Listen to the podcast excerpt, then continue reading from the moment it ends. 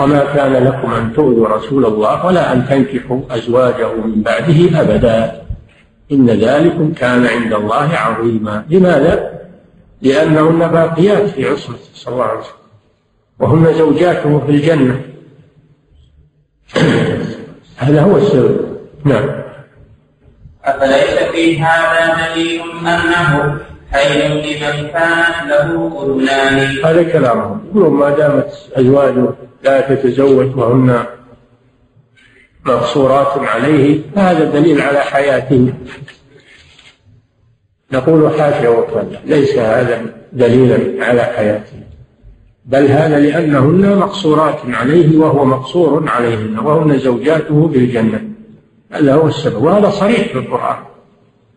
هذا صريح في القرآن. أما كونه حيا حياة برزخية فهذا لدليل آخر وهو القياس على حياة الشهداء. نعم.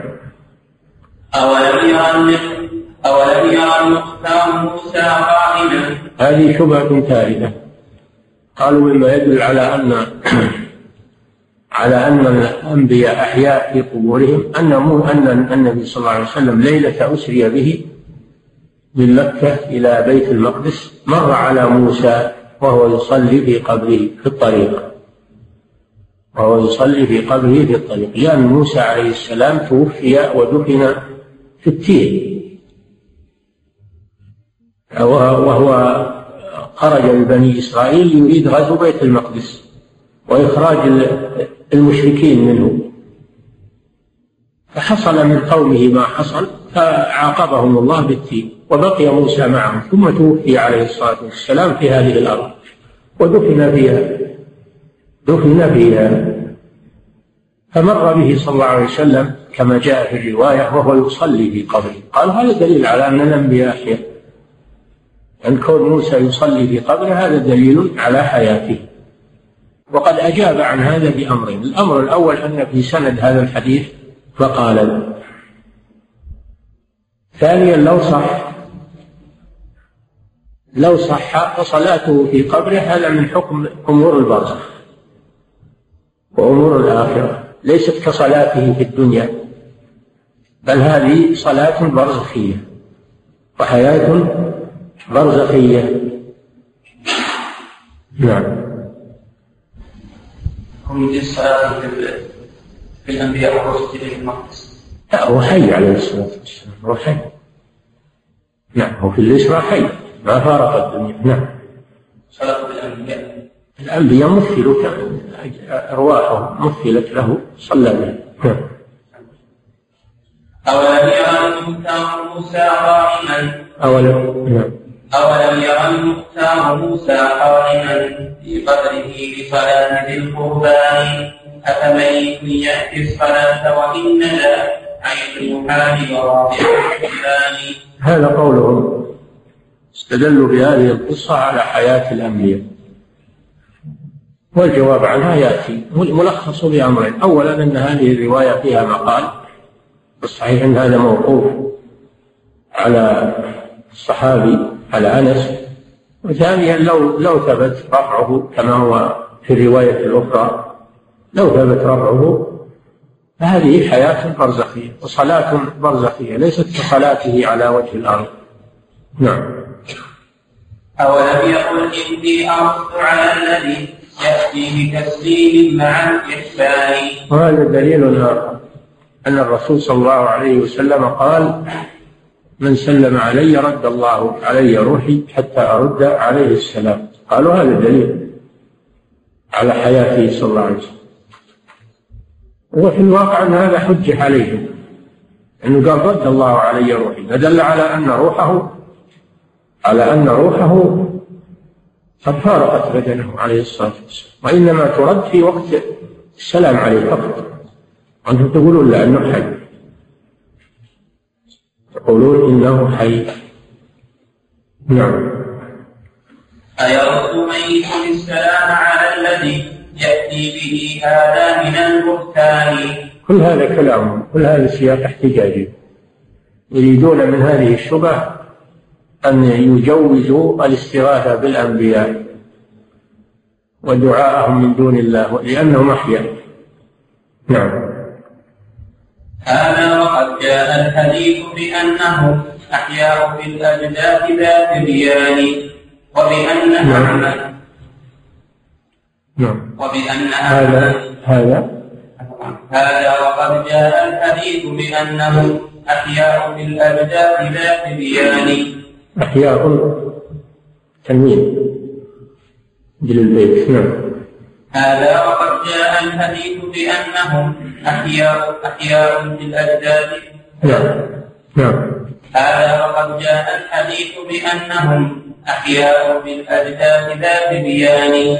نعم. وبأن أعمال العباد عليه وبأن أعمال العباد عليه تعرض دائما في جمعة يومان.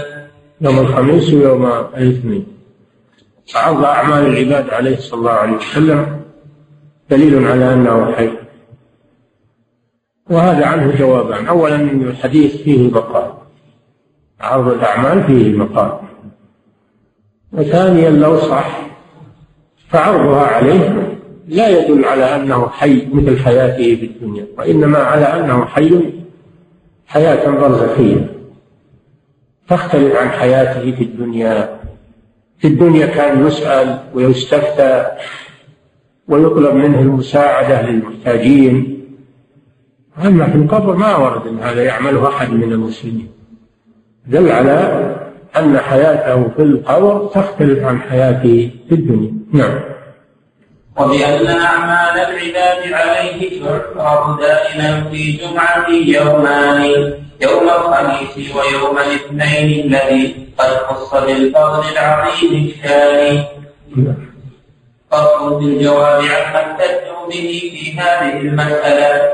هذه شبهاتهم حصرها في هذه في هذه المقطوعة من النظم. نعم. فيقال وصل دليلكم في ذاك حجتنا عليكم وهي ذات بيان. إن الشهيد حياته منصوصة لا بالقياس القائم الأركان. فالشهيد حياته منصوصة. ثبتت بالنص في القرآن في موضعين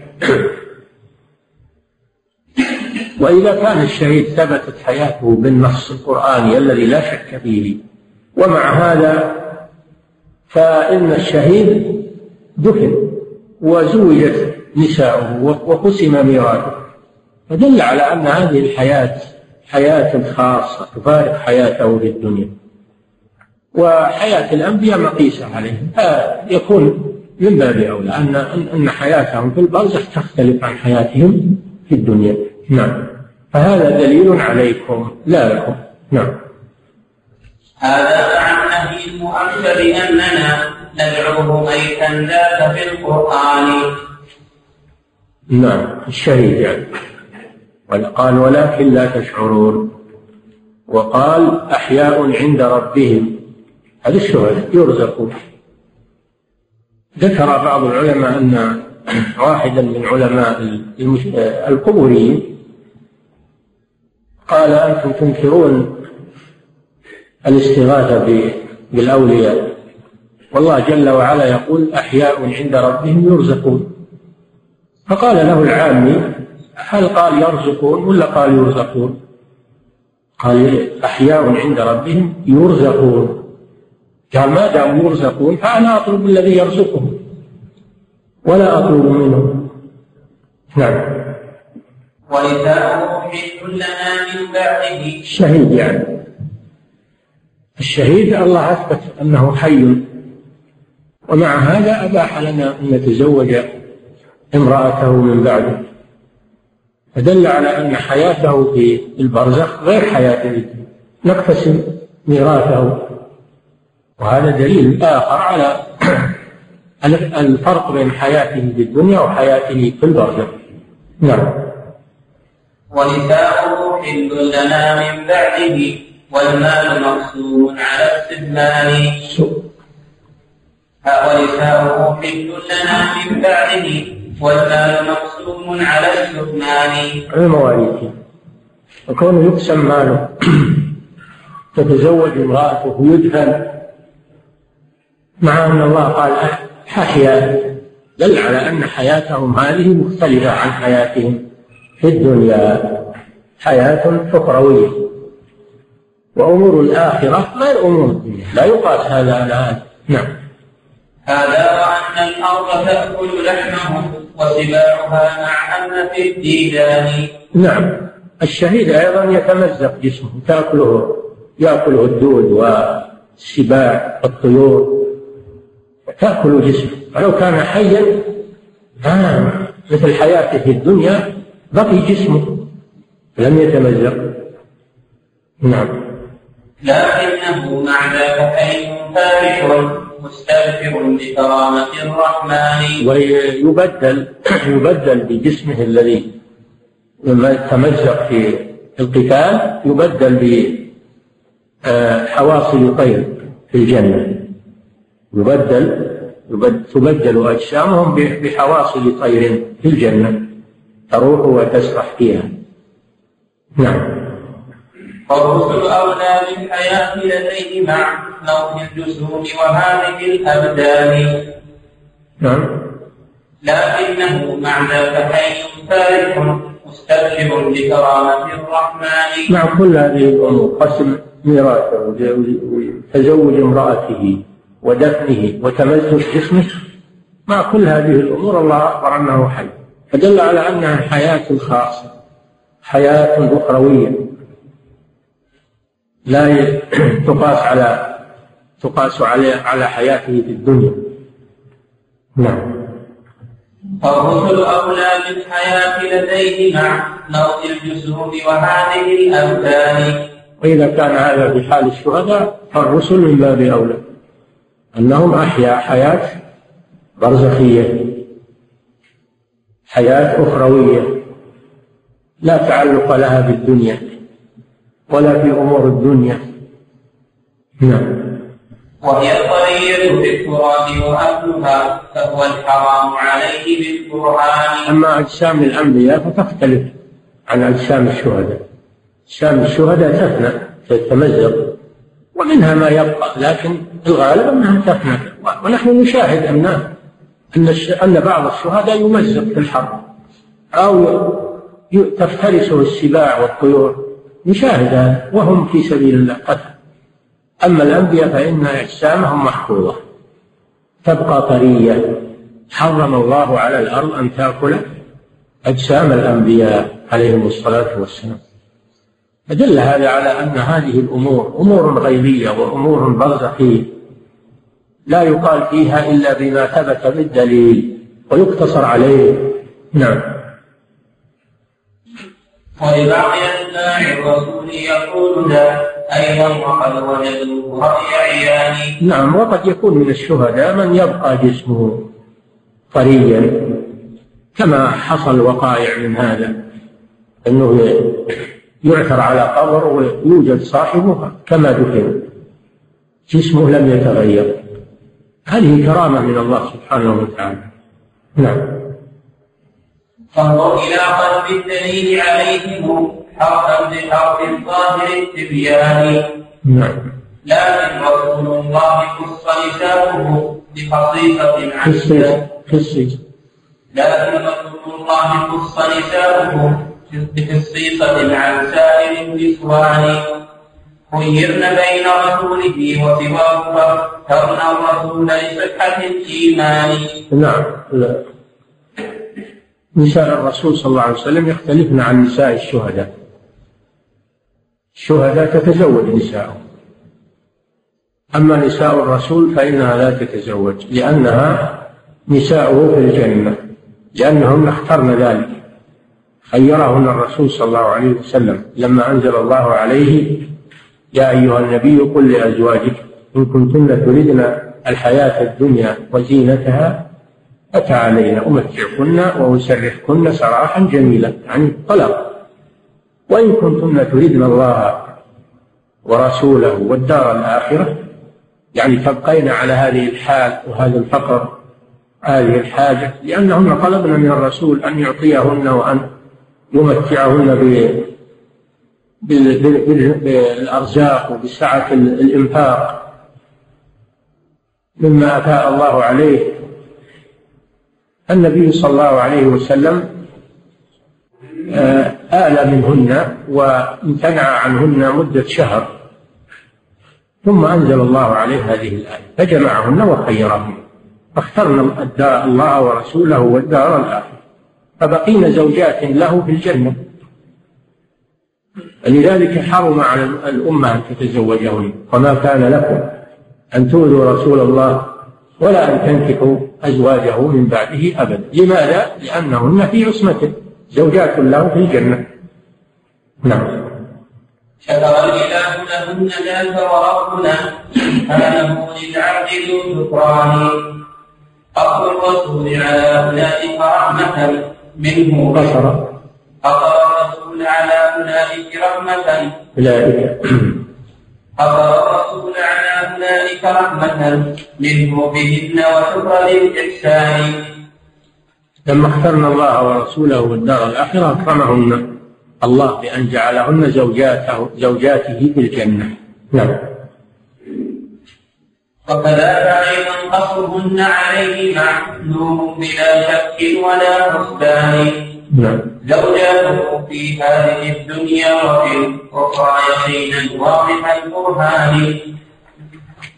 فإذا خلقن على سواه بعده حرم حرم فإذا حرمن على سواه بعده إذ ذاك صوم عن فراش ثاني. نعم. وما كان لكم أن تؤذوا رسول الله ولا أن تنكحوا أزواجه من بعده أبدا. نعم. لكن أتينا لكن أتينا بعدة شرعية فيها امتداد مولى الأوطان. مع كونهن زوجاته في الجنة وأنهن في عصمته لما مات أتينا بعدة الوفاة. فدل على أن أحكام أحكامهن في الدنيا مثل غيرهن من العدة ولزوم البيت.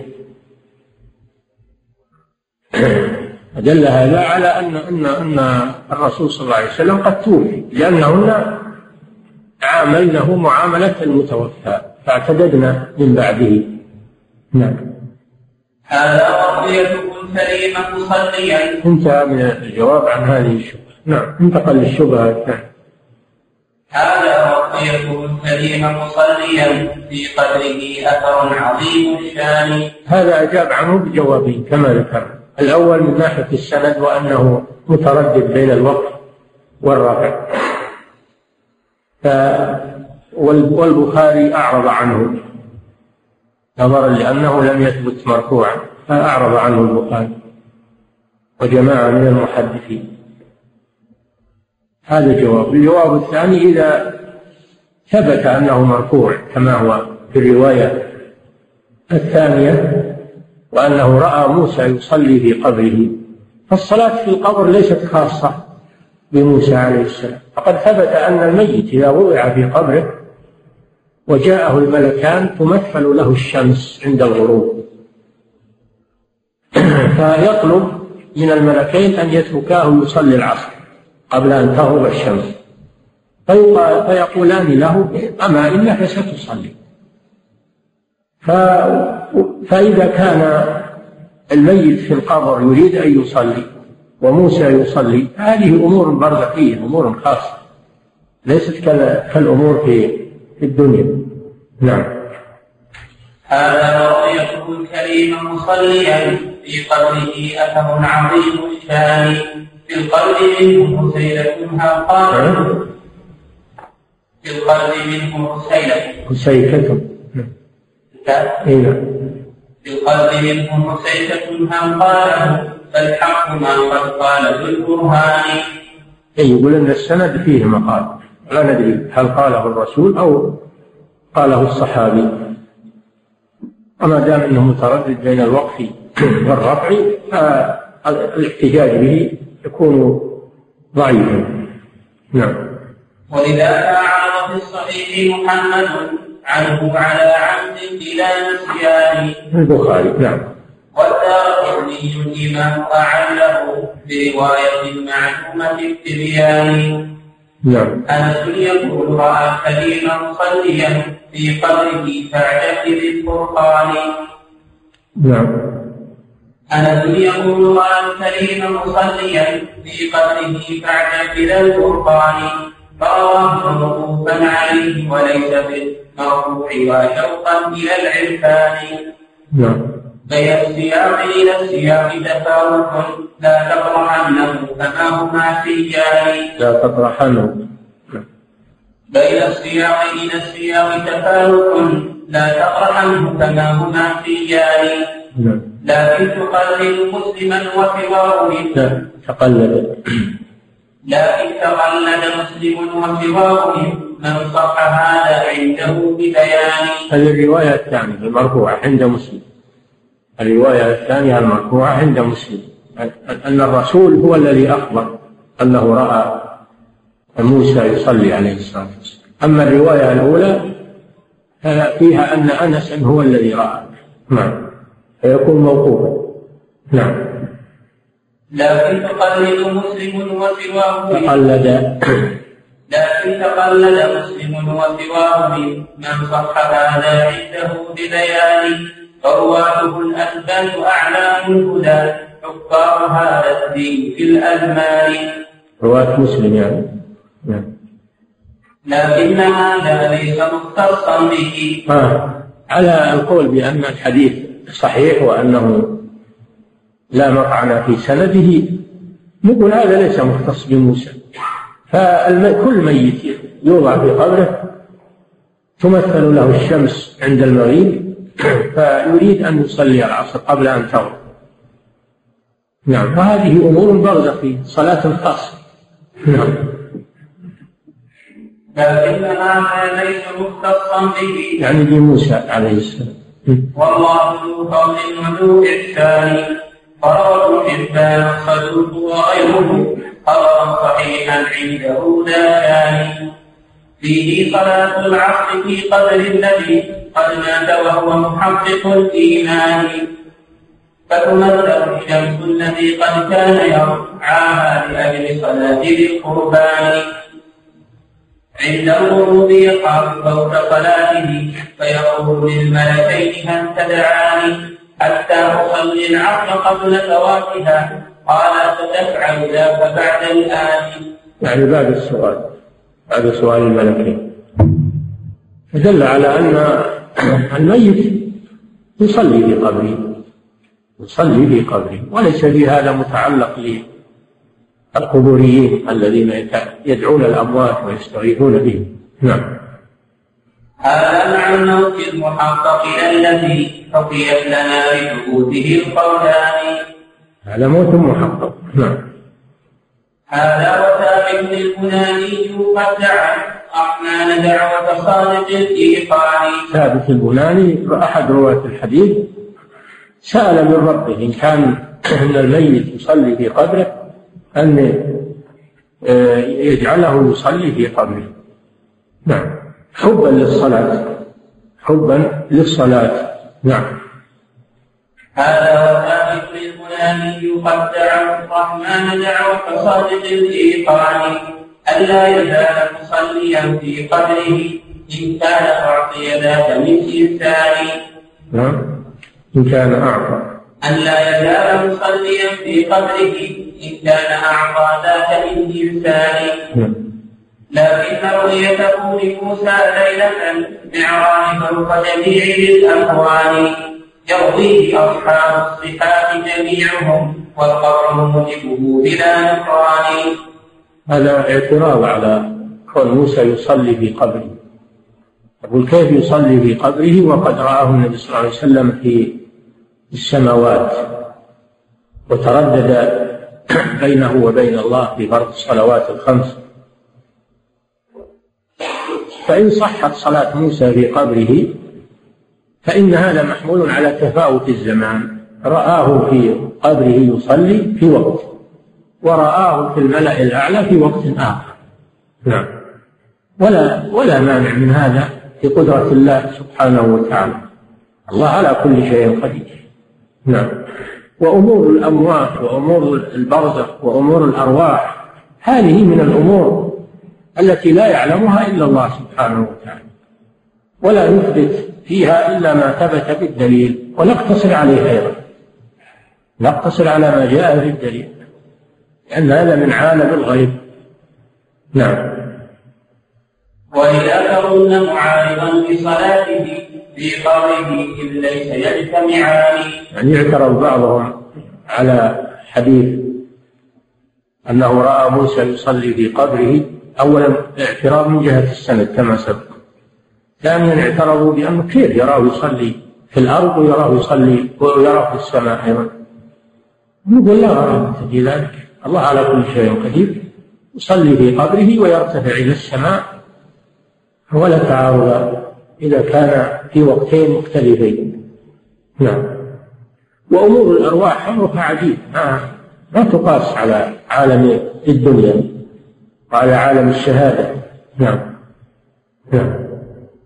وأجيب عنه بأنه أسرى به ليراه ثم شاهدا بعيانه. شاهد. وأجيب عنه بأنه أسرى به ليراه ثم مشاهدا بعيانه. أجيب عن هذا الاعتراض بأنه بعدما صلى رآه يصلي في القبر فإن الله عرج به إلى السماء ليرى في السماء أيضا. نعم. فرآه ثم وفي الطريق وليس ذا. رآه ثم يعني في السماوات ورآه أيضا في الضريح رؤيتان. ولا تعارض بينهما. نعم. فرآه ثم وفي الطريق وليس ذا. بتناظر إذ أمثل الوقتان. أي إذا كان في وقتين مختلفين. إنما المتعين في وقت واحد عندكم. وإلا فالله ليس عليه شيء متعين أبدا. نعم. هذا ورد نبينا التسليم هذا انتهى من جواب الصلاة صلاة موسى في قبره. انتهى. انتقل إلى شبهة أن الرسول يرد السلام على من سلم عليه. قالوا هذا دليل على حياته. على حياته. نقول نعم هو حي لكن حياة برزخية ليست حياة دنيوية. نعم. هذا ورد نبينا التسليم يأتي بتسليم مع الإحسان ما ذاك مختصا به أيضا كما قد قاله المبعوث بالقرآن. هذا الجواب أن أن كون الرسول ترد روحه إليه ويرد السلام ليس خاصا بالرسول بل هذا يكون في غيره من الأموات. فما من مسلم يزور أقله في الله ويسلم عليه إلا رد الله روح الميت حتى يرد عليه السلام. وهذه حالة خاصة حياة خاصة. نعم. ما مختصا به أيضا كما قد قاله المبعوث بالقرآن من جرى أخ له فأتى بتسليم عليه وهو ذو إيمان رد الإله عليه حقا روحه حتى يرد عليه رد بيان الروح الروح روح الميت لها اتصال ببدنه. هي مفارقة للبدن ولكن لها اتصال بالبدن. تعاد إليه في وقت السؤال سؤال الملكين وتعاد عليه عند تسليم المسلم عليه. فلها اتصال بالبدن. نعم. وحديث ذكر حياتهم في قبورهم لما يصح ولا واحد النكران نعم. فانظر إلى الإسناد تعرف حاله إن كنت علم بهذا الشان نعم. هذا ونحن نقول هم احياء لكن عندنا حياه للابدان لكن هذا. هذا ونحن نقول هم احياء لكن عندنا كحياه للابدان هذا ونحن نقول. نعم. هذا ونحن نقول هم لكن عندنا في الحياة للأبدان. والثوب تحتهم وفوق رؤوسهم وعن الشمال ثم عن أيمان. نحن نقول إن لهم حياة في قبورهم ولكنها حياة خاصة والدليل على أنها خاصة. أنها لو كانت مثل حياتهم على وجه الأرض ما دفنوا ولا صار التراب فوقهم ومحيطا بهم. هذا دليل على أن هذه حياة مختلفة حياة أخروية لا يعلمها إلا الله سبحانه وتعالى. ليست مثل حياتهم على وجه الأرض. نعم. والترب تحتهم وفوق رؤوسهم وعن الشمال ثم عن الايمان مثل الذي قد قلتموه مثل الذي قد قلتموه معاونا بالله من إثم ومن بهتان. يعني لا نقول إن حياتهم في البرزخ والقبور مثل حياتهم في الدنيا كما قلتم ذلك انت. نحن نعوذ بالله من هذا القول. نحن نفرق بين حياتهم في الدنيا وحياتهم في القبور وأما أنتم فلا تفرقون وهذا ضلال الذي يجعل حياة آه الحياة الدنيا مثل حياة البرزخ هذا ضال وملبس على الناس. نعم. مثل الذي خلقتموه معانا لله من جد ومن بهتان. وهو عدم التفريق. إنهم يقولون ما دام ثبت انهم احيا في قبورهم؟ هذه مثل حياتهم على وجه الأرض. يستغاث بهم ويدعون من دون الله ويسألون وإلى آخره. يقول هذا باطل. وهذا بهتان وكذب على الله سبحانه وتعالى وعلى رسوله صلى الله عليه وسلم. لا بد من التفريق. نعم. بل عند ربهم تعالى مثل ما قد قاله في الشهداء في القرآن. بل إن هذه الحياة عند ربهم. قال الله جل وعلا أحياء عند ربهم. ما قال أحيا وأطلق؟ بل قال أحياء حياة عند ربهم يعني في البرزخ نعم. لكن حياتهم أجل وحالهم أعلى وأكمل عند الإحسان حياتهم في القبر والبرزخ تختلف عن حياتهم في الدنيا وهي أكمل وأحسن من حياتهم في الدنيا لأنها حياة نعيم. حياتهم في البرزخ حياة نعيم وسرور. أما حياتهم في الدنيا فإنها حياة نغص وتعب ومكدرات وهموم وأحزان. تختلف حياة البرزخ عن حياة الدنيا. نعم. هذا وأما عرض أعمال العباد عليه فهو الحق ذو الإمكان هذه الشبهة الأخيرة وهي قالوا من ما يدل على أن الرسول حي في قبره أنه تعرض عليه أعمال أمته. فيستغفر لمن رأى منه خطأ. والجواب عن هذا من وجهين من ناحية السند أنه لم يثبت. ومن ناحية أنه لو ثبت فعرض الأعمال على الرسول ليس خاصا بل ورد أنه تعرض أعمال الإنسان على والديه على والديه الميتين. فيسران بالأعمال الصالحة ويستاءان من الأعمال السيئة. ولا ورد أن أحد يدعو الوالدين يستغيث بهم ويسألهم كما كان في الدنيا. فكذلك الرسول صلى الله عليه وسلم. نعم. هذا وأما عرض أعمال العباد عليه فهو الحق ذو إمكان وأتى به أثر فإن صح الحديث به فحق ليس ذا نكران لكن هذا ليس مختصا به أيضا بآثار طويل لسان فعلى الإنسان يعرف سعيه وعلى أقاربه مع الإخوان. إن كان سعيا صالحا فرحوا به واستبشروا يا لذة الفرحان أو كان سعيا سيئا حملوا وقالوا رب راجعه إلى الإحسان.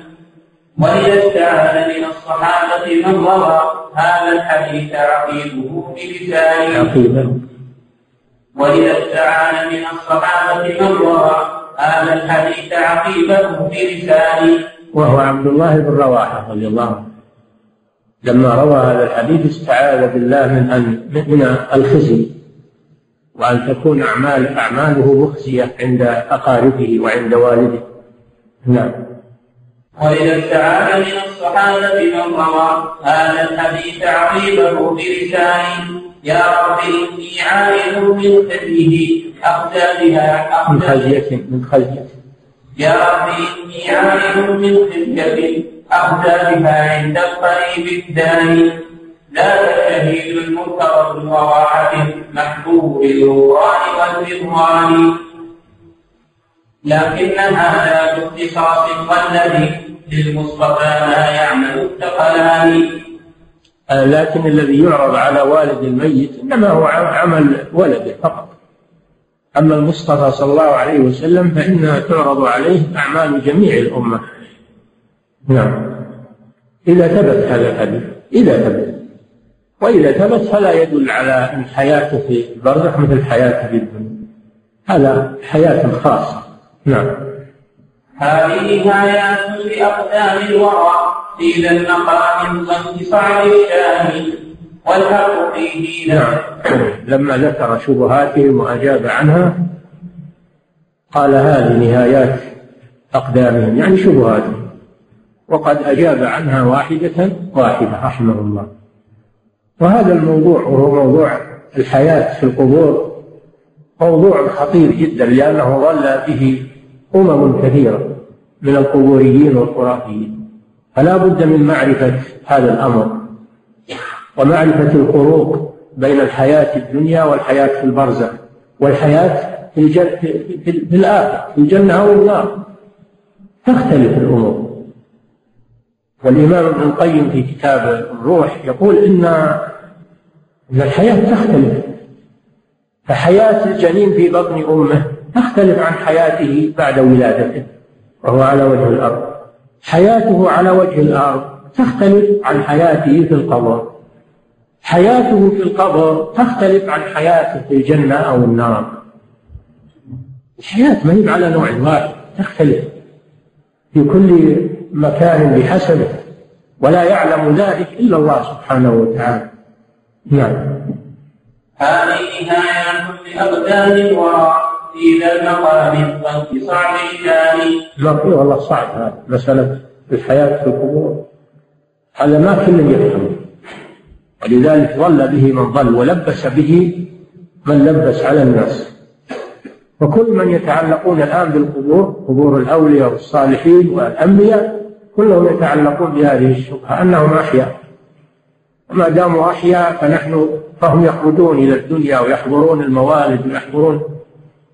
وكذلك ما داموا أحياء فإنه يطلب منهم الغوث والمدد والاستعانة إلى آخره. هذا يحتاج إلى كشف وبيان وتوضيح لأجل أن يتبين الحق من الباطل في هذه المسألة العظيمة. ولذلك أطال عليها رحمه الله. أطال عليها وكرر فيها وأبدى وأعاد.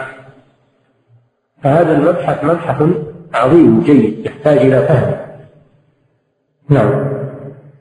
هذه آيات لأقدام الورى في ذا المقام وانتصار الشأن والحق فيه ليس تحفظه العقول بل الزمان لغلظة الأذهان. نعم يقول إن أمور الموت وأمور القبور وأمور الأرواح ما تحملها عقول الناس. ما تحملها عقول الناس لأنها من الأمور الغيبية التي لا يعلمها إلا الله. ويقول عندي من المعرفة في هذه الأمور ما لو بينته لأنكرتم علي فهذا الأمر لا يشرح لكل الناس وإنما يشرح لخواص أهل العلم لأنه لا تتحمل عقوله. نعم. وأمر الروح أمر عجيب. قال تعالى ويسألونك عن الروح قل الروح من أمر ربي وما أوتيتم من العلم إلا قليل. السؤال عن هذه الأمور سؤال خطير جدا يحتاج إلى علم من المجيب وتحمل من السائل سعة أفق. نعم. ولجهلهم بالروح مع أحكامها وصفاتها للإذ بالأبدان فرض الذي رضي الإله له به تنظر حكمة الديان. ما عليك إلا أنك تسلم لما جاء عن الله ورسوله ولا تتعدى إلا إن كان تريد أن تعارض الله سبحانه وتعالى أو تعارض الرسول صلى الله عليه وسلم فلك ما اخترت لنفسك. أما إن كنت مؤمنا فعليك بالتسليم الاقتصار على ما جاء عن الله ورسوله ولا تتعدى هذا. وما جاء عن الله ورسوله التعلق بالأموات ولا التعلق بالأنبياء بعد موتهم ما ولا قالت شيء منهم وهم أموات. هذا ما جاء عن الله ولا عن رسوله صلى الله عليه وسلم ولا عن سلف هذه الأمة. نعم. هل في عقولهم بأن الروح في أعلى رفيق مقيمة بجنان وترد أوقات السلام عليه؟ وترد. وترد أوقات السلام عليه أتباعه في سائر الأزمان. روح في, في أعلى عليين وهي روح الشهيد وروح المؤمن في الجنة. ثم إذا جاء واحد يسلم عليه في قبره ترد في الحال ومثل الملأ الأعلى كيف هذا؟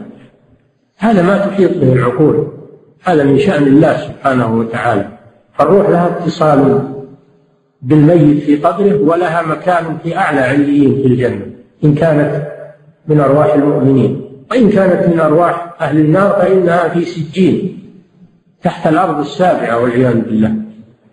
وأيضا تقترن بجسم الميت في قبره للعذاب لأن عذاب القبر يكون على الروح وعلى الجسم معا.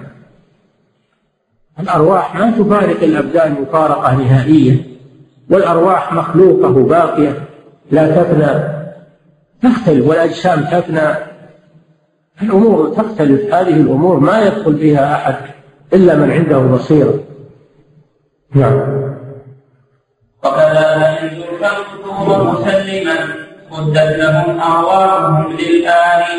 فهم يردون السلام عليك لكن لست تسمعه بذي الأذنان. هذا دليل على أنه رد خاص لأنه لو كان رد مثل ما في الدنيا أنت إذا رد عليك واحد في الدنيا تسمعه. لكن الميت يرد عليك ولا تسمعه لأنه في عالم وأنت في عالم آخر. عالم الآخرة يختلف عن عالم الدنيا. نعم. هذا وأنواع الطيور القرمة تسألها لدى الجنات والرضوان أرواح الشهداء في أجواف طير تأوي إلى قناديل تحت العرش. ومع هذا لها اتصال بالقبور لها اتصال بالأموات في قبورهم وهي في أعلى عليين تروح وتجي تخرج وتنزل وتصعد في لحظة واحدة وفي وقت متقارب. هذا من قدرة الله سبحانه وتعالى. نعم. من ليس يحمل من ليس يحمل عقله هذا فلا تظلمه شأن الروح أعجب ثاني نعم. للروح شأن غير الأجسام لا تهمله شأن الروح أعجب ثاني وهو الذي حار فيه فلم يعرف غير الفرد في الأزمان. ما يعرف إلا الخواص من الراسخين في العلم الذين تتبعوا الأدلة وفقهوا في معانيها. هؤلاء هم الذين يعرفون هذه المسألة. أما دهماء الناس والغوغاء هؤلاء لا يعرفون هذه الأمور. نعم. ولذلك خبطوا فيها وضلوا وأضلوا نعم. من ليس يحمل عبده هذا فلا تظلمه قعده على النكران. للروح شأن أيضا أنت لا تحدثوا بهالأمور هذه اللي ما يتحمل عقله لا لا تشوش عليه. علي رضي الله عنه يقول حدثوا الناس بما يعرفون.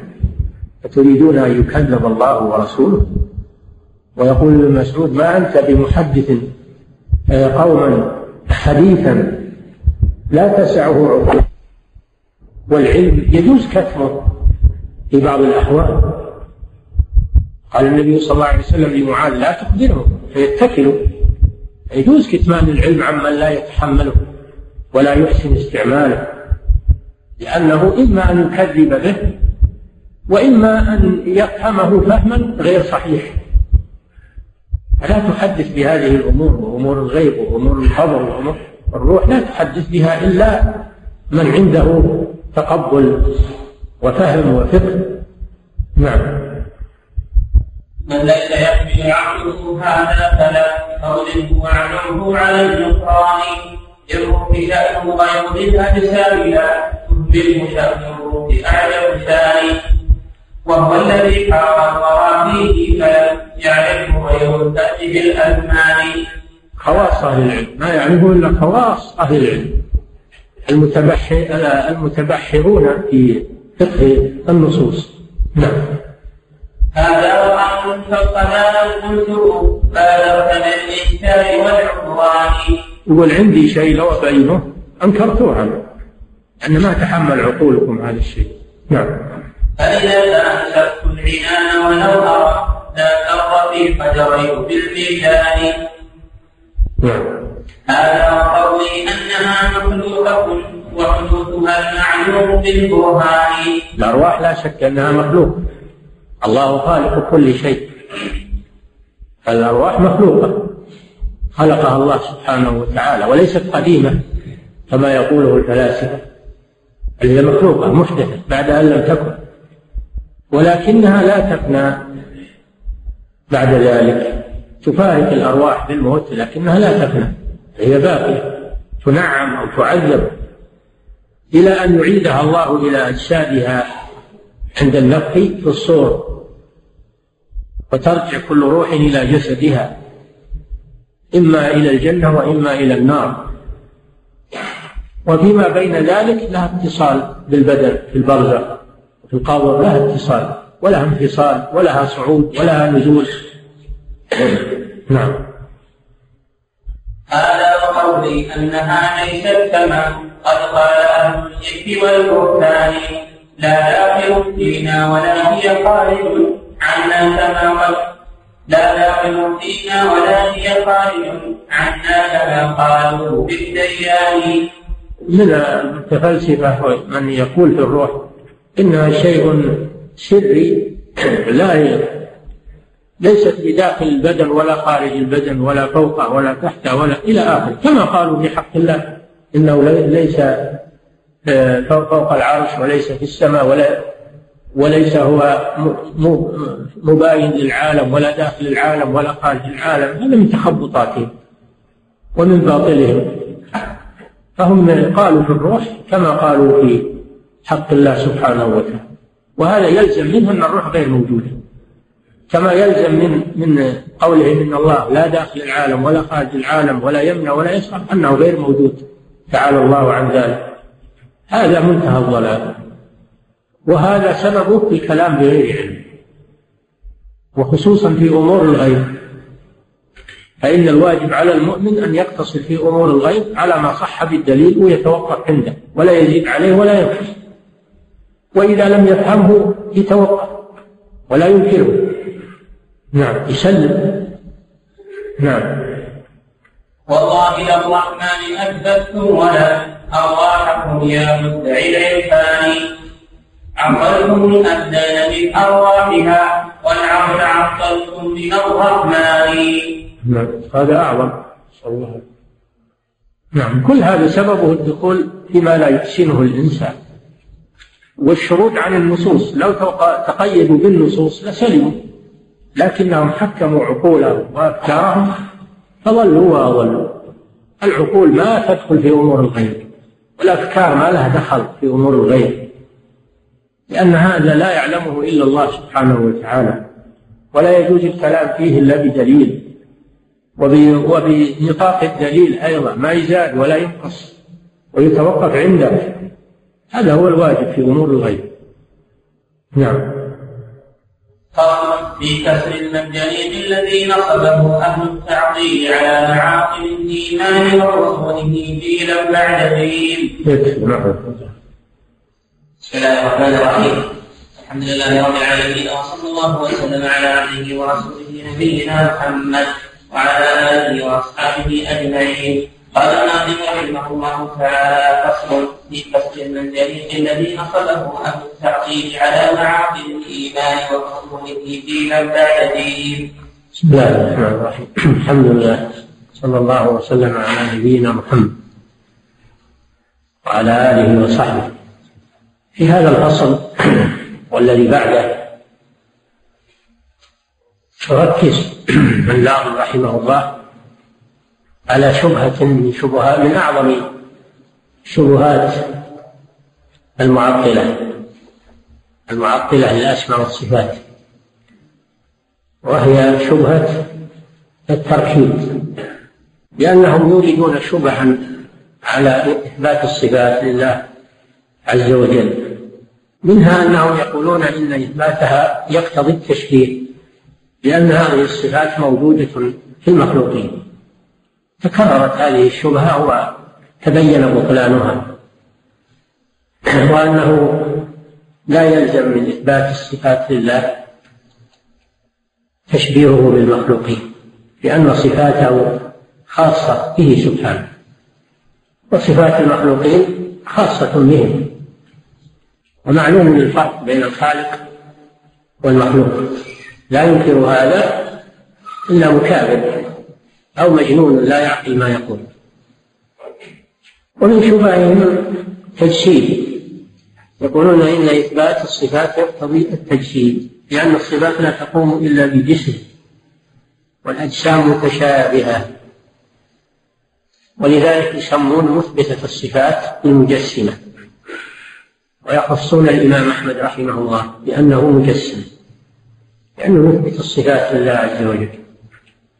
والحنابلة أيضا يركزون عليهم أكثر بهذا الوصف يسمونه بالمجسمة. وهذه الشبهة أيضا باطلة.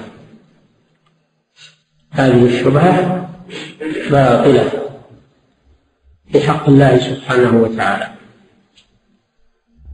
ومن شبههم أنهم يقولون إن إثبات الصفات يقتضي تعدد القدماء.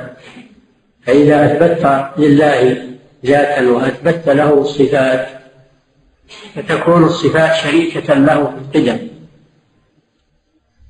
فيلزم من إثبات الصفات تعدد القدماء وهذه شبهة باطلة لأن الصفات ليست شيئا غير الموصوف بل هي تابعة للموصوف. فالله جل وعلا بصفاته قديم لا بداية له. وما سواه فهو محدث. فليست الصفات شيئا غير الذات مغايرة للذات بل هي تابعة للذات. فكما أن ذات الله قديمة كذلك صفاته لأنه لا ينفك عن صفاته على شيء في الدنيا ينفك عن صفاته فيكون هو شيء والصفات شيء آخر.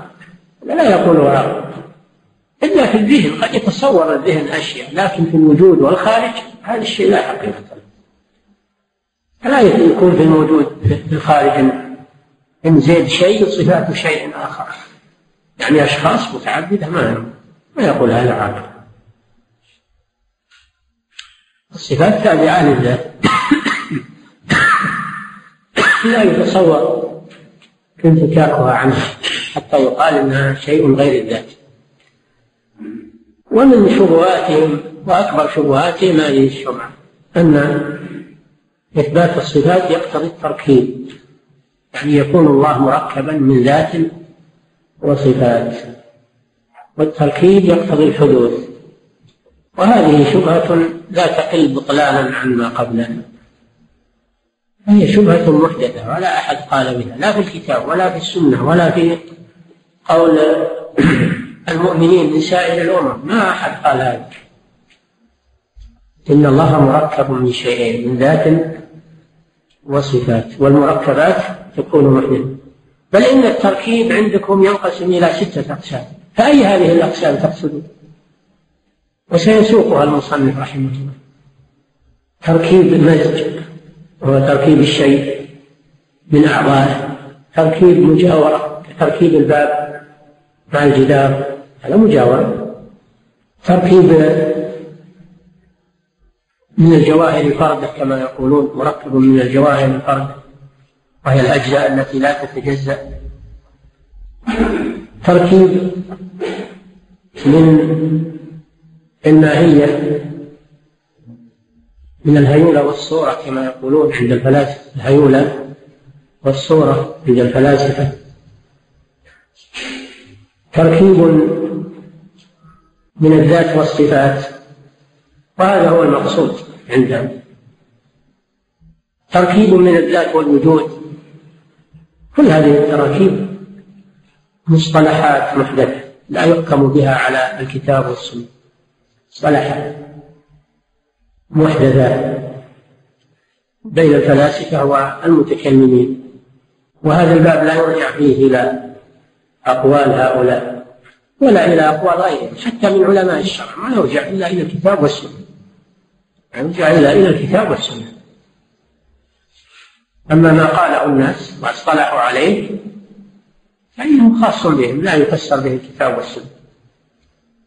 كل هذه الأنواع منتفية في إثبات الصفات ولله الحمد. ولا نسمي الذات والصفات مركبة. هذا اصطلاح اصطلاح عام. نعم. سمى وسمى المصنف أو الناظم سمى هذه الشبهة بالمنجنيق الذي ينصبونه لهد عقيدة أهل السنة والجماعة بل هد عقيدة الكتاب والسنة. والمنجنيق شيء يستعمل في في هد الحصول في هد الحصول. آلة ضخمة مركبة من بكرات وشبال وأشياء. ويجعلون فيها صخرة كبيرة ثم يقذفونها من هذا المنجنيق ويهدون بها الحصن الذي أمامهم مثل المدفع تقريبا. إلا أن المدفع آلة نارية وهذا آلة غير نارية. آلة فيها دفع بواسطة آلات وأشياء يركبون في هذه الآلة من جميع وهو قديم عند الأمم وهو الذي استعمل في إلقاء إبراهيم في النار عليه الصلاة والسلام. وضعوه في المنجنيق لأنهم لا يقدرون على أن يقربوا النار لشدة حرها وضخامتها فوضعوه في المنجنيق من مسافة بعيدة ورموه في هذه النار. استعمله الحجاج في حربه ابن الزبير في مكة وهد به بعض جوانب الكعبة كما هو معروف. هذا هو المنجنيق.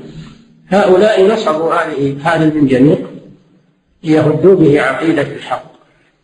ويقولون إثبات الصفات يقتضي التركيب.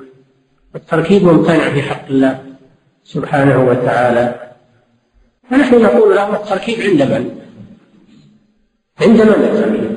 التركيب عندكم عند الفلاسفة وعند علماء الكلام وعلماء المنطق. أما الرسول صلى الله عليه وسلم وأتباعه وعلماء الأمة فليس عندهم هذه الشبهة؟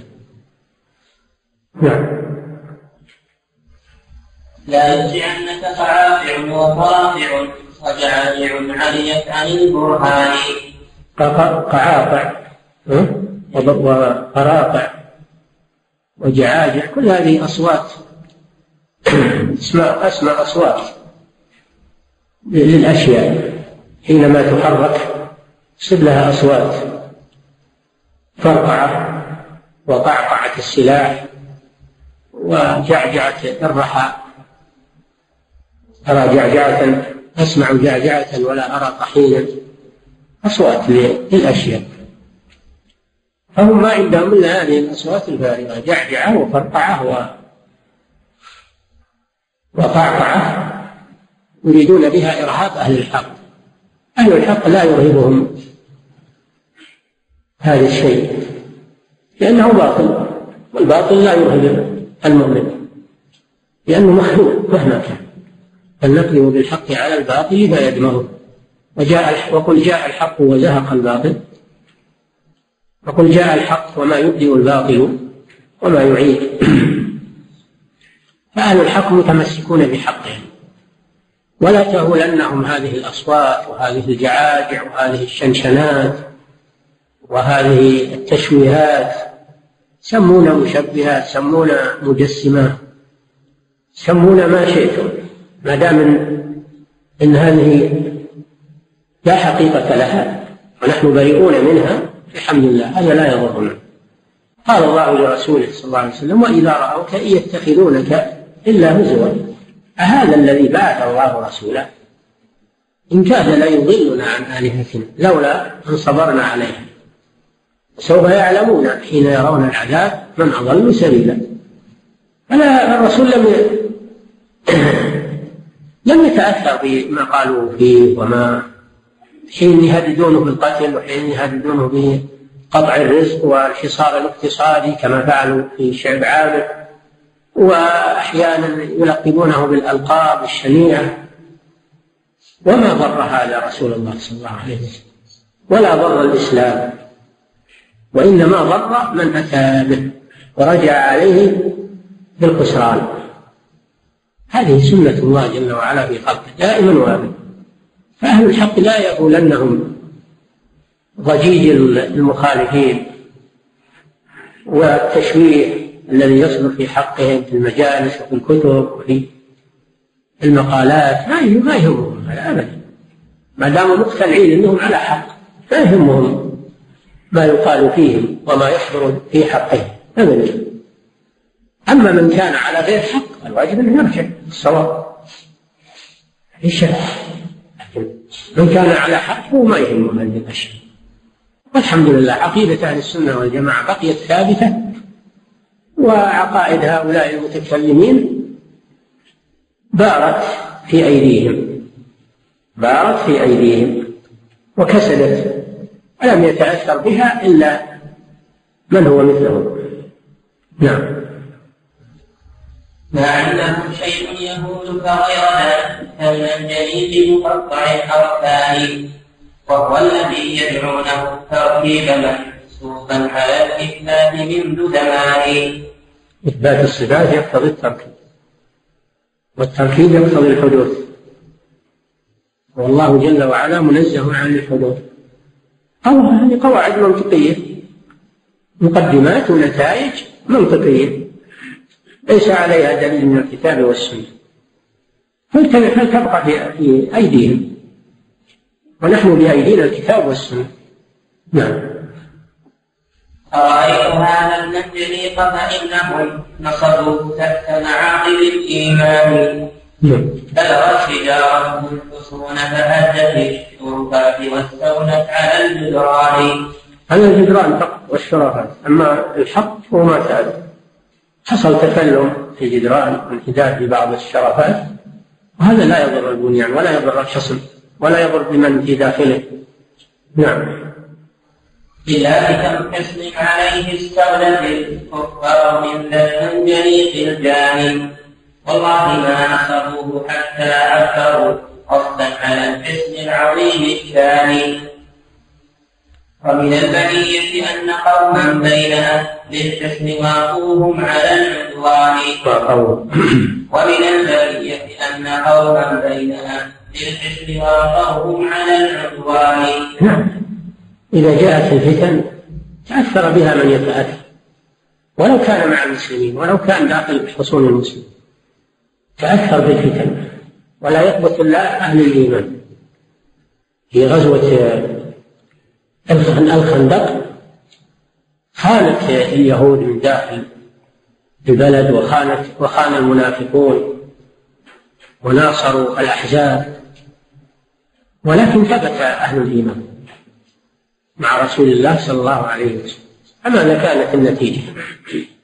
كانت النتيجة أن الله هزم الأحزاب ونصر المؤمنين من غير قتال ومكن المسلمين من اليهود وأنزل الذين ظاهروه من أهل الكتاب من صياصيه من قصورهم حصولهم قذف في قلوبهم الرعب. فريقا تقتلون وتأسرون فريقا. وأورثكم أرضهم وديارهم وأموالهم. وأرضا لم تطعوها. وهي أرض خيبر امتدت إليها سلطة المسلمين بعد بعد صلح الحديبية.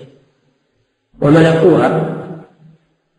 وكان الله على كل شيء قدير. فثبت الله أهل الإيمان وأخزى أهل الخيانة الذين كانوا في بين ظهور المسلمين. اليهود حلفاء للمسلمين ومعاهدون للمسلمين على الدفاع وخانوا المنافقون يظهرون أنهم مع المسلمين. لكن لما جاءت الشدة انخذلوا وإذ يقول المنافقون والذين في قلوبهم مرض ما وعدنا الله ورسوله إلا غرورا فانكشف ولله الحمد الحق وأهله والباطل وأهله في هذه إذا جاء الدجال في آخر الزمان فإنه لا يدخل البلدين مكة والمدينة. ما يتمكن لأن الملائكة يحرسونهم على أنقابهم. ولكن من كان بداخل هذه هذين البلدين ممن في قلبه مرض يخرج إليه. يخرج إليه. هذه المصيبة ترجع في المدينة رجفات ثم يخرج كل من كان في قلبه نفاق. وينضمون إلى الدجال والعياذ بالله. وهم في قاعدة في وسط المدينة. لكن الله يعلم ما في القلوب سبحانه وتعالى. إذا جاءت الفتن تميز الصادق من الكاذب. نعم. ومن البلية أن قوما بين أهل الحسن وعطوهم على العدوان. نعم. تأثروا بدعايتهم وروجوا أفكارهم ممن ينتسبون إلى السنة. ممن ينتسبون إلى أهل السنة وإلى الحديث. تأثر بعض من ينتسب إلى الحديث بعقائد المتكلمين. وهذا موجود في الكتب. نعم نعم. به معهم وكان مصابا للحسن منهم فوق الكفران. فتأثرت من كفرهم ووفاقنا في الحسن أنواع من الطغيان. لا شك أنه حصل على المسلمين ضائقة وشدة لكن الحق دائما يبقى. والباطل ينخرم هناك مداولات بين الحق والباطل. فقد يظهر الباطل أحيانا ابتلاء وامتحان لكنه لا يدوم وقد ينخذل الحق لكنه لا يفنى بل يعود الحق. والحق منصور يقول الناظم في هذه النونية والحق منصور وممتحن فلا تعجب فهذه سنة الرحمن. الحق منصور وممتحن لو كان الحق دائما منصور ما ما تميز الصادق من الكتاب كل يلتف على الحق. لكن إذا جاء شيء من الشدائد تبين الصادق الذي يريد الحق من المنافق الذي يريد العيش مع الناس يريد مصالحه الدنيوية من حكمة الله أنه يجري الامتحان. وقد يصاب أهل الحق أحيانا. ولكن ذلك لا ينقص من إيمانهم أبدا ولا يزعزعهم عن يقينه. كما حصل للمسلمين في وقعة أحد مع رسول الله صلى الله عليه وسلم. ولكن العاقبة للمتقين. فظهور الباطل لا يدوم أبدا. وظهور الحق يدوم ويبقى. نعم.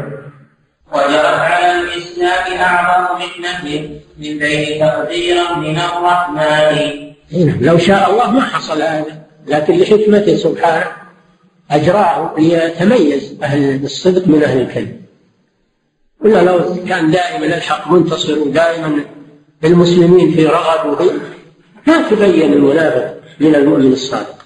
إنما يتبين هذا من هذا عند الفتن. أما عند النعم فالكل يظهرون مظهر الأخوة و... نعم. والله لولا أن تدارك دينكم الرحمن كان فساد الأديان. الأديان السابقة. التي دخلها التحريف والتبديل والتغيير كدين اليهود ودين النصارى خلتها الوثنية والتكليف واعتبروها من الدين. أما هذا الدين الإسلامي فإن الله تكفل به سبحانه وتعالى. فيبقى خاليا من التغيير والتبديل إلى أن تقوم الساعة. إنا نحن نزلنا الذكر وإنا له لحافظون. لكن أهله قد يمتحنون أهل الحق. قد يمتحنون أما الحق ذاته فإنه محفوظ بحفظ الله سبحانه وتعالى. أرأيتم ما جرى على المسلمين من النكبات ومن العقوبات على أيدي أعدائهم في كل زمان؟ ومع هذا بقي الإسلام كما أنزل على محمد صلى الله عليه وسلم. ولله الحمد. حصل على المسلمين أزمات حصل نكبات لا تنسوا قضية التتار وما حصل منهم. ويظنون أنهم طلعوا على الإسلام. خلاص نهاية. قتلوا العلماء وألقوا الكتب في النهر كتب المسلمين وظنوا أنهم خلاص. لكن الحق باقي ولله ما ما تضعضع الإسلام.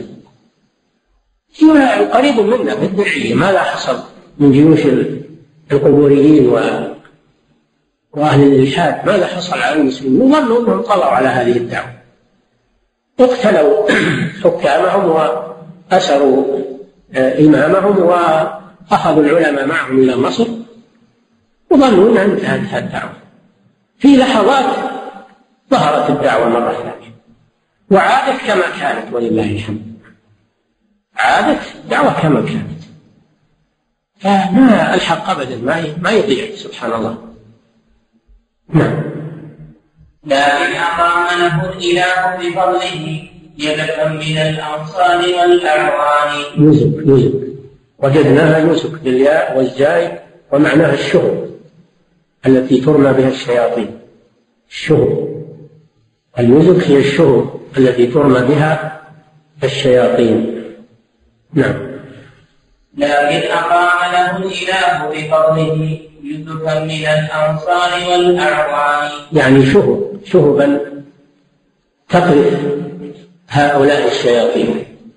كما أن النجوم تقذف بها شياطين الجن كذلك كذلك علماء الإسلام يزك يعني شهب يرمى بهم أهل الباطل. نعم. فهم العلماء مثل النجوم.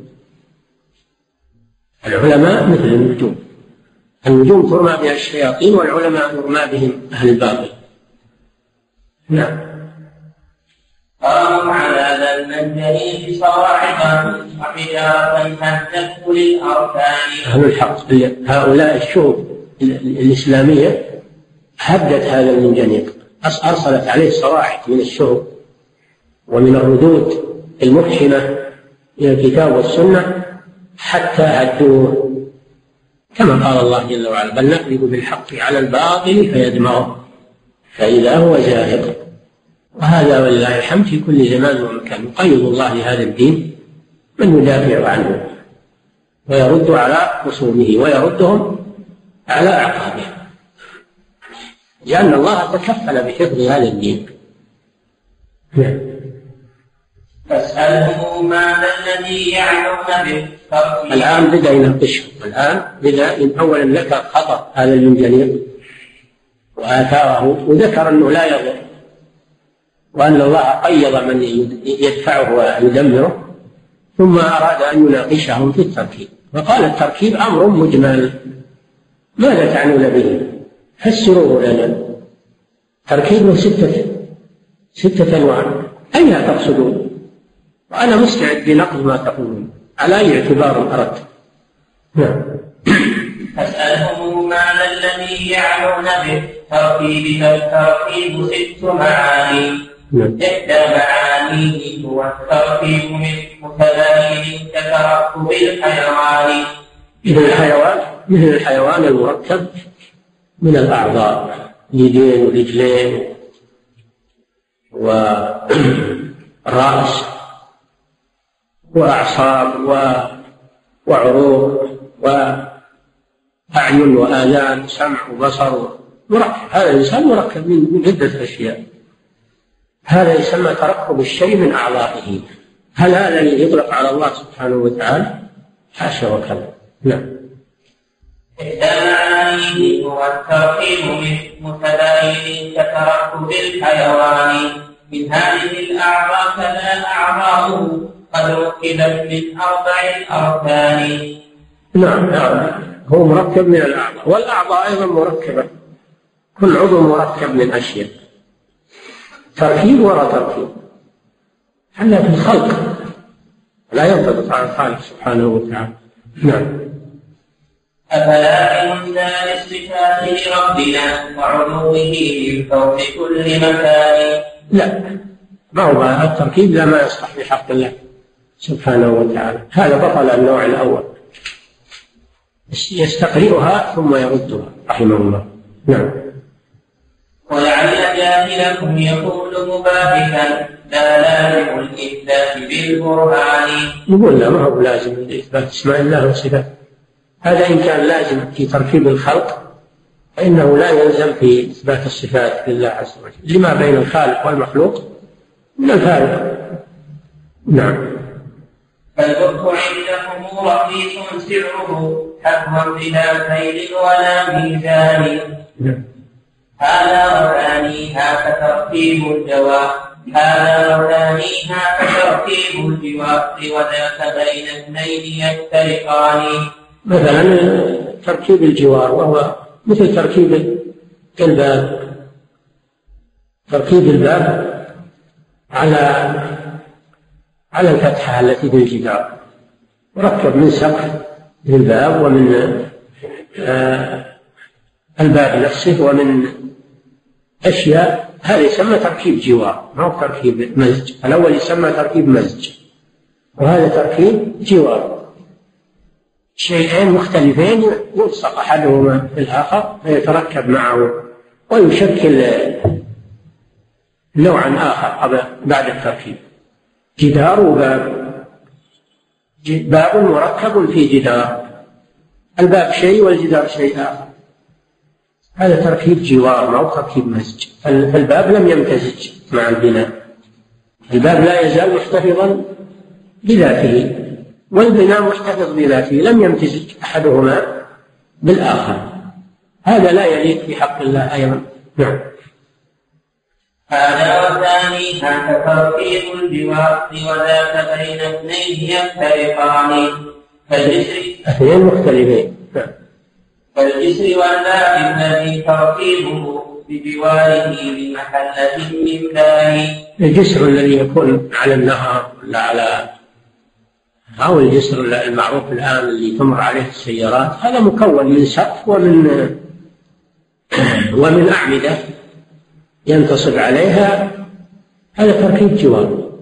تركيب جوار. كذلك الباب اللي يركب على المخرج والمدخل تركيب جوار. الباب شيء مستقل والجدار شيء مستقل. نعم. والأول المدعو تركيب امتداد واختلاط وهو ذو تبيان الأول الذي هو تركيب الشيء من أعضاء. هذا مزج يسمى تركيب مزج وخلط نعم. يمتزج بعضها ببعض. نعم.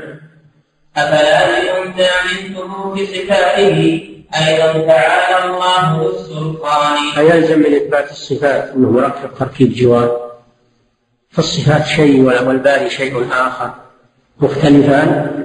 لا يقول هذا مؤمن بالله واليوم الآخر. نعم. والثالث التركيب من متناهر يدعى الجواهر فردة الأكوان. هذا عند المتكلمين. تركيب المركب من الجواهر الفردة والجواهر الفردة هي الأجزاء التي لا تتجزأ. هذا عندهم تبين أن هذا باطل. فليس هناك أجزاء لا تتجزأ في هذا الكون. بل إن أصغر الأجزاء الآن يتجزأ. بعد حدوث هذه هذا التقدم الصناعي. فتكون الأشياء تبين أشياء صغيرة تتكون من مركبات أصغر منها وهكذا. وهكذا. هذا المركب من الجواهر الفردة يعني الأجزاء. الجواهر يعني الأجزاء. الفردة يعني التي لا تتجزأ. وهذا غلط لأنه ما ما هناك شيء لا يتجزأ. وما يعزب عن ربك من مثقال ذرة السماوات ولا في الأرض ولا أصغر من ذلك. دل على أن هناك أصغر من الذرة. قد تبين هذا وانتشر في العصر الحاضر. فبهذا بطل هذا التركيب اليوم اليوم قالوا. وأقلقوا الناس به. وملأوا منه كتبهم واعتبروه برهان قاطع ما ما يقبل الجدل. وهو باطل من أساسه نعم. تبين الآن تبين أنها تتجزأ ما هناك شيء لا يتجزأ ما هناك شيء لا يتجزأ إلى أصغر منه. نعم. وأشياء ما نراها ولا نحس بها. ظهر الآن أنها موجودة. عوالم كثيرة لا يعلمها إلا الله سبحانه. وما لم يظهر إلى الآن أكثر مما ظهر. كل يوم يتبين عجائب. نعم. والرابع الجسم المركب منها لا وصورته لذي اليونان هذا عند الفلاسفة. اليونان يعني الفلاسفة. وهو النوع الرابع من أنواع التركيب وهو المركب من الهيولة من الهيولة والصورة. اللي هي الحقيقة الهيولة يعني حقيقة الشيء وصورته مظهره الذي يرى للناس. هذا عند فلاسفة اليونان مركب من الهيولة والصورة؟ وهذا لا حقيقة له ولا وجود له وإنما هو اصطلاح اصطلاح فارغ من أناس فارغين في أفكارهم نعم. والاسم فهو مركب من ذريع كالفيلسوف وذاك ذو بطلان والفلاسفة جمع فيلسوف. والفيلسوف في لغتهم هو محب الحكمة. الفلسفة الحكمة. والفيلسوف هو الحكيم عندهم أو محب الحكمة. لأن مركبة يقولون من كلمتين حيلة وسوف حيلة محب. سوف يعني حكمة. محب الحكمة. نعم. ومن الجواهر عند أرباب الكلام وذاك أيضا واضح البطلان. أما عند علماء الكلام فالمركب هو المركب من الجواهر الفاردة نعم.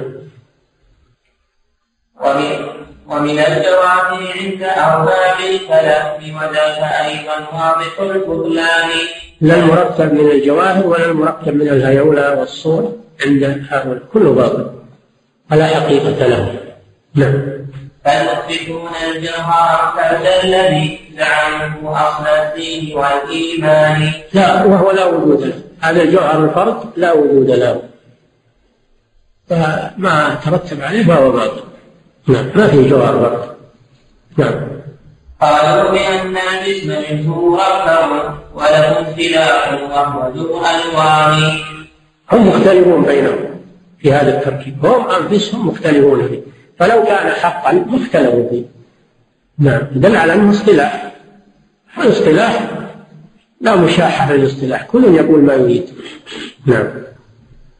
هل يمكن التركيب من جزئين أو من أربع أو ستة وثمان أو ستة وفقد حكاه الأشعري بذي مقالة على التبيان الأشعري حكى هذه الأقوال في كتابه المشهور مقالات الإسلاميين واختلاف المصلين. وهو كتاب مشهور ومطبوع.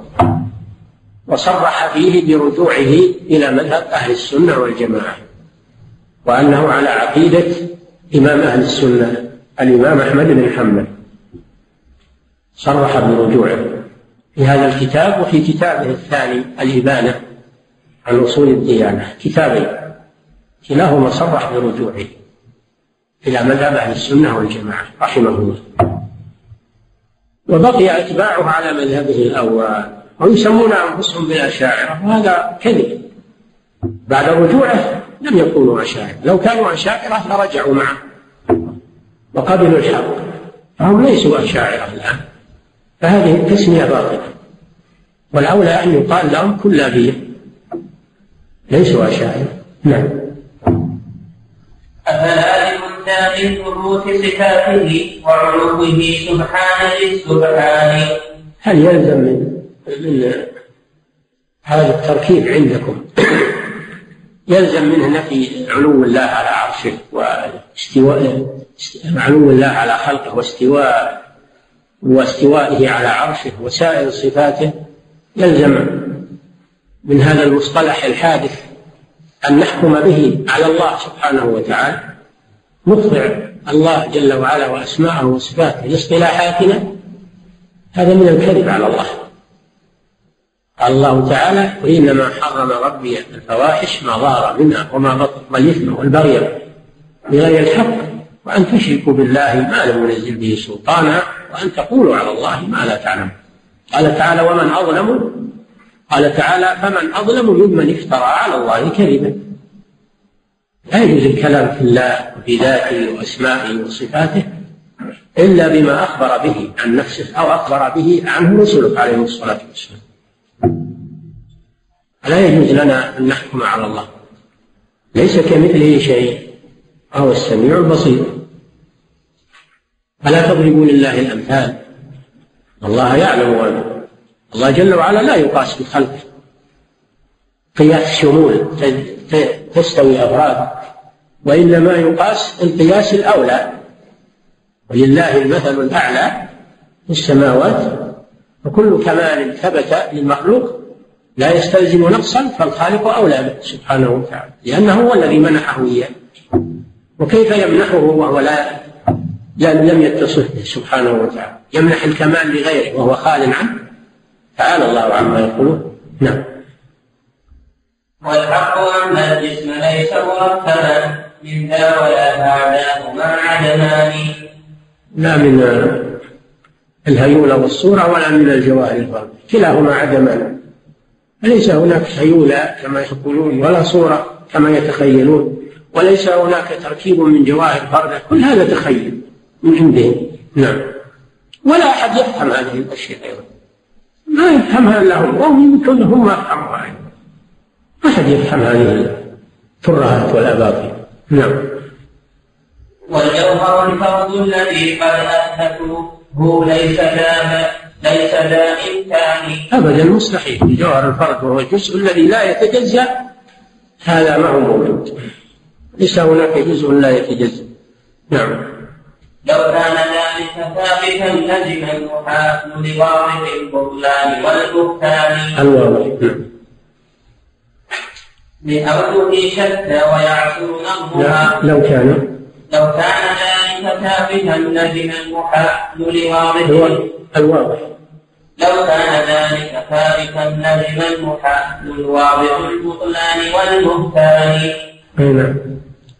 من أوجه شتى ويعثر نظمها جدا لأجل صعوبة الأوزان راجعوها في في كتاب العقل والنقل لشيخ الإسلام.